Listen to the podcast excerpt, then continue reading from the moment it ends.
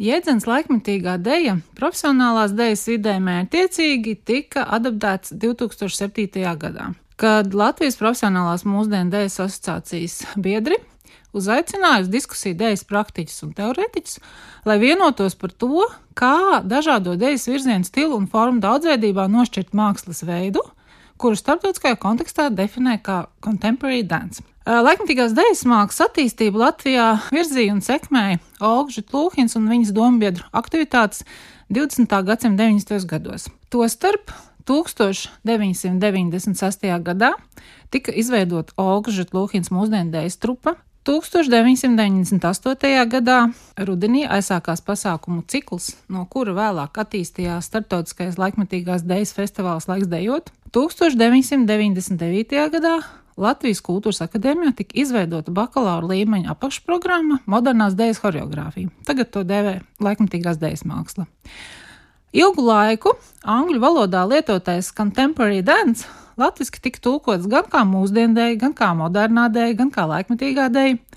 Taču žanram attīstoties, kā arī paralēli strādājot gan amatieriem, gan profesionāļiem, radās nepieciešamība definēt to, ka laikmetīgā dēļa ir uz mākslu vērsts žanrs, bet mūsdiendējas aptver plašā spektrā daudzu dēļu žanrus un stilus, kas pat labāk tiek praktizēti. Savukārt jēdziena modernā dēļa izmantošana, apzīmējot laikmatīgās dēļas notikums, 90. gada beigās bija saistīta ar žanra attīstības kontekstu.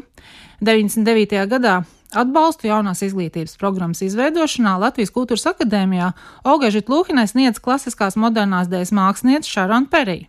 Mākslas vēstures kontekstā, tostarp Latvijā, moderno dēļu vispirms iespējams aplūkot periodā, kad 19. gadsimta beigās un 20. gadsimta sākumā veidojās dažādi modernismu virzieni. Tolaik gan vēl šīs kustību prakses lielākoties dēvē par plastisko dēļu, mākslas dēļu, ritmiku, retāk par moderno dēļu. Dejā visi, kas 90. gadu otrajā pusē bija ārpus konvencionālajām dēļas žanriem, uz brīdi vienojās zem lietu sarga jēdzienu mūsdiendēju. Pārējais posmam dejā jēdziens mūsdienu acīm redzot bija visērtākais, bet pamazām laikmatīgā deja veidojās par spēcīgu un neatkarīgu dejas mākslas žanru. Kādēļ bija nepieciešams novilkt striktākas robežas arī jēdzienu lietošanā?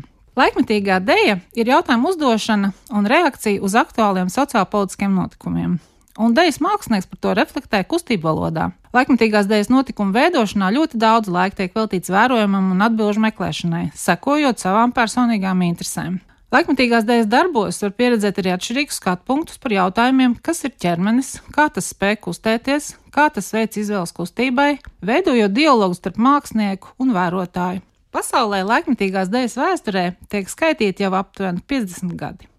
Plašāk pētījumi un populāri zinātnīs skaidrojumi parādījušies vien pirms desmit gadiem.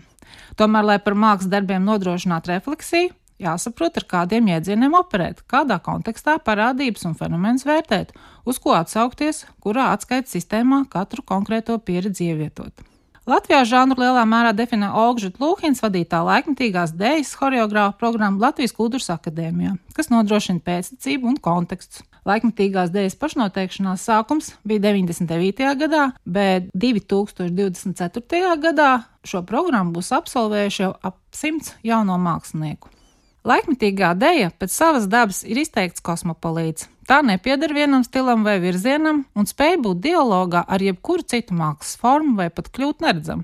Tomēr pats būtiskākais - laikmetīgā dēja ir mākslas forma, kurā pamatmateriāls darbam ir cilvēka ķermenis visās tā izpausmēs.